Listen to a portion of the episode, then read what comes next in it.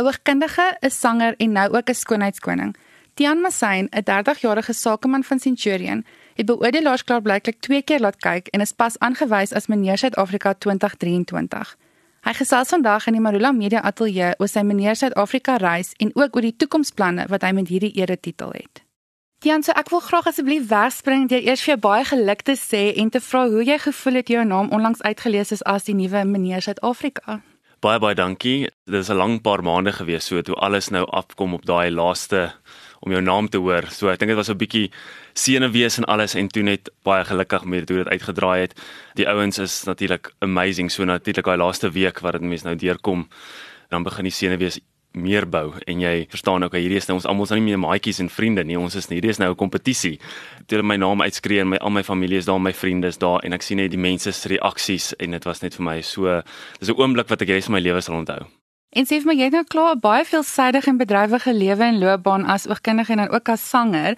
Waarom die besluit om nou nog hierdie kompetisie ook aan te pak Die mens moet nou 'n bietjie Engels sê, maar ek het so 'n bietjie FOMO en dis die fear of missing out. So, ek het 'n vrees dat ek eendag gaan terugkyk in my lewe en spyt wees oor die kans wat ek nie gevat het nie. Ja, meneer Suid-Afrika is iets wat ek nog altyd wou gedoen het. Mens moet regtig reg wees daarvoor. Dit is 'n groot verantwoordelikheid en natuurlik baie wat op jou skouers lê. Waar ek nou is op my lewe en die plek in my lewe, voel ek dit was nie die regte tyd. Ek voel ek het iets om te sê. Ek het 'n groot passie vir mense. So dis my platform gewees waar ek net regtig kon 'n verskil maak en dit is die rede hoekom ek dit ingeskryf het. En sê vir my, wat sê jou vriende en familie oor hierdie wen van jou? Hulle is vreeslik bly.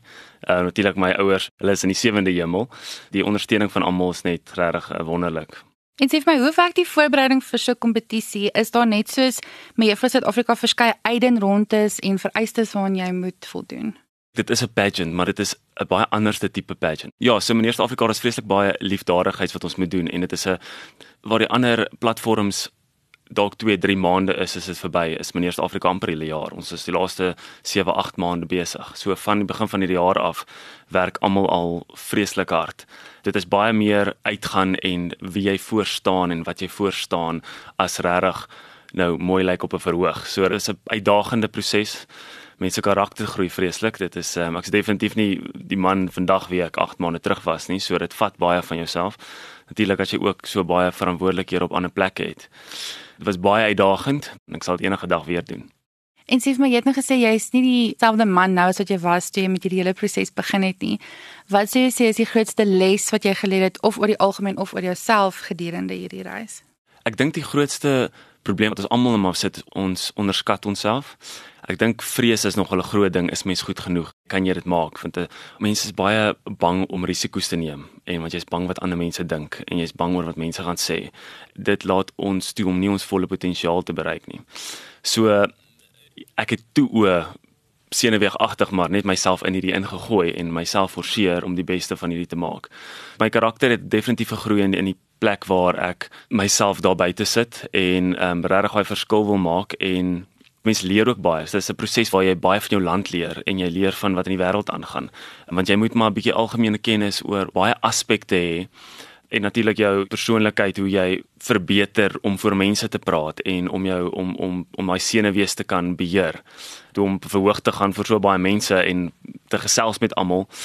Dis 'n bietjie vrees aan Jans. Dis regtig om oor daai vrese te gekom het en om net regtig vol 100% te gaan vir wat jy wil hê, nie dat vrees meer tussen jou en jou drome staan nie. Voel jy dat jou werk as oogkundige en dan die sangloopbaan wat jy nou ook nou najag tussen alles anders, voel jy dat goed wat jy daar geleer of gedoen het jou gehelp het met jou meneer Suid-Afrika reis?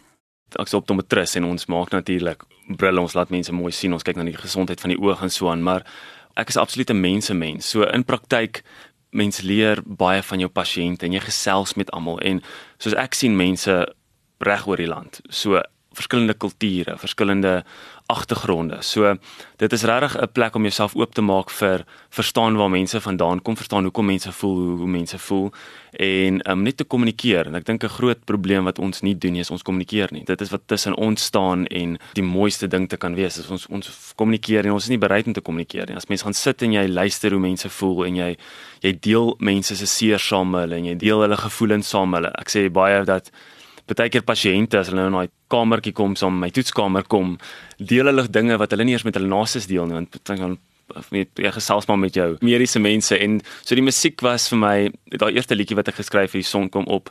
Dit was 'n lied tydens Covid eintlik wat ons daai geskryf het en dit het, het regtig daar ek gesien dat die hoe die mense reg swaar kry. Pasiënte wat hulle werke verloor het, pasiënte wat letterlik gekom het wat hulle vir my sê, "Ja, nee, ek kom jou sien jou nou want ek moet van mediese fonds afklim. Ons kan dit nie meer bekostig nie."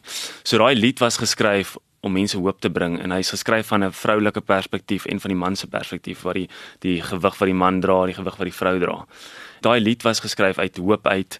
Dit was definitief vir my 'n boublokkie tot meneer Suid-Afrika en die, die laaste lied wat ons nou ook gedoen het is ook weer 'n uh, meer Afrika lied dis van The Crossing gewees van Johnny Clegg.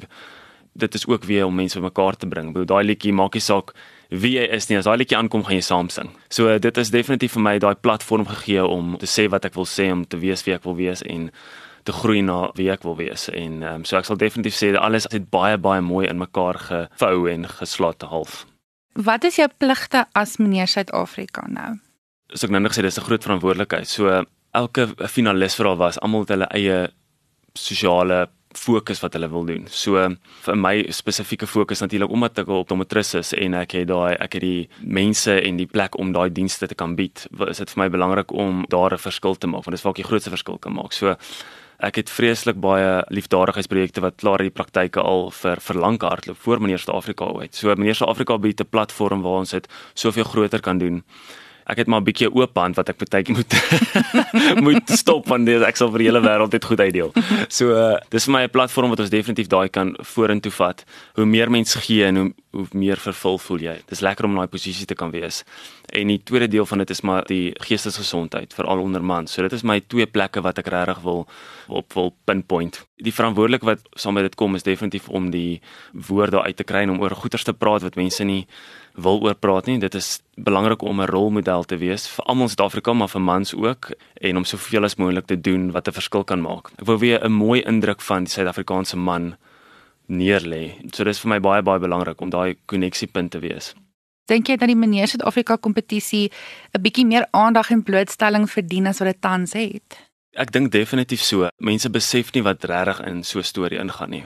Van al die deelnemers aan die begin af, van al van daai top 10 wat die ouens wat gekies het en die ouens wat gekies is, is regtig hulle is almal sterk mans, almal iets om te sê en dit is ouens wat dieselfde visie het. Almal wil verskil maak. En mense is bietjie mislei van wat dit regtig is.